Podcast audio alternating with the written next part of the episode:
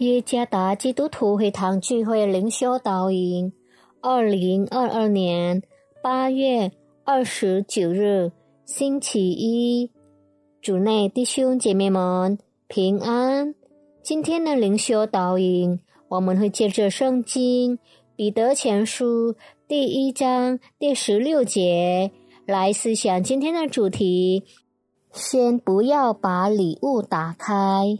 作者尤文静传道，彼得前书第一章第十六节，因为经上记着说：“你们要圣洁，因为我是圣洁的。”我们都喜欢收到礼物，通常礼物是在生日或某些特殊时刻获得的。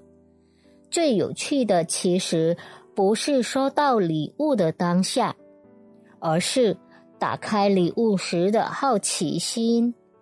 情况和状况的正确性是非常有影响的。如果不是在正确的时候打开它，就会降低了兴奋的感觉。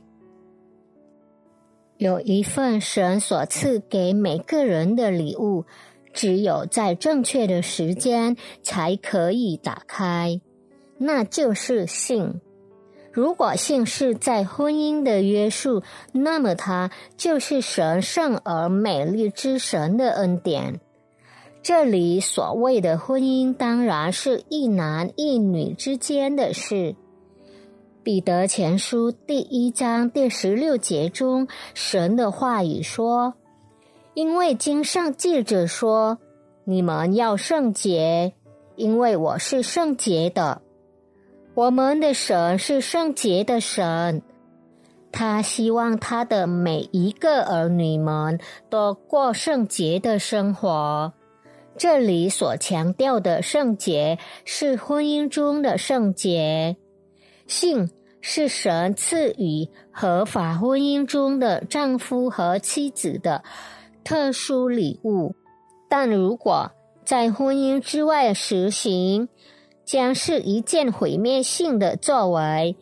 婚前性行为在神面前是一种罪，这肯定会对一个人的生活和家庭产生影响。因此，请耐心的不要预先打开这份礼物。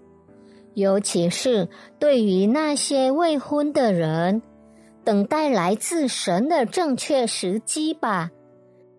让两个人在神圣的婚姻盟约中结合起来。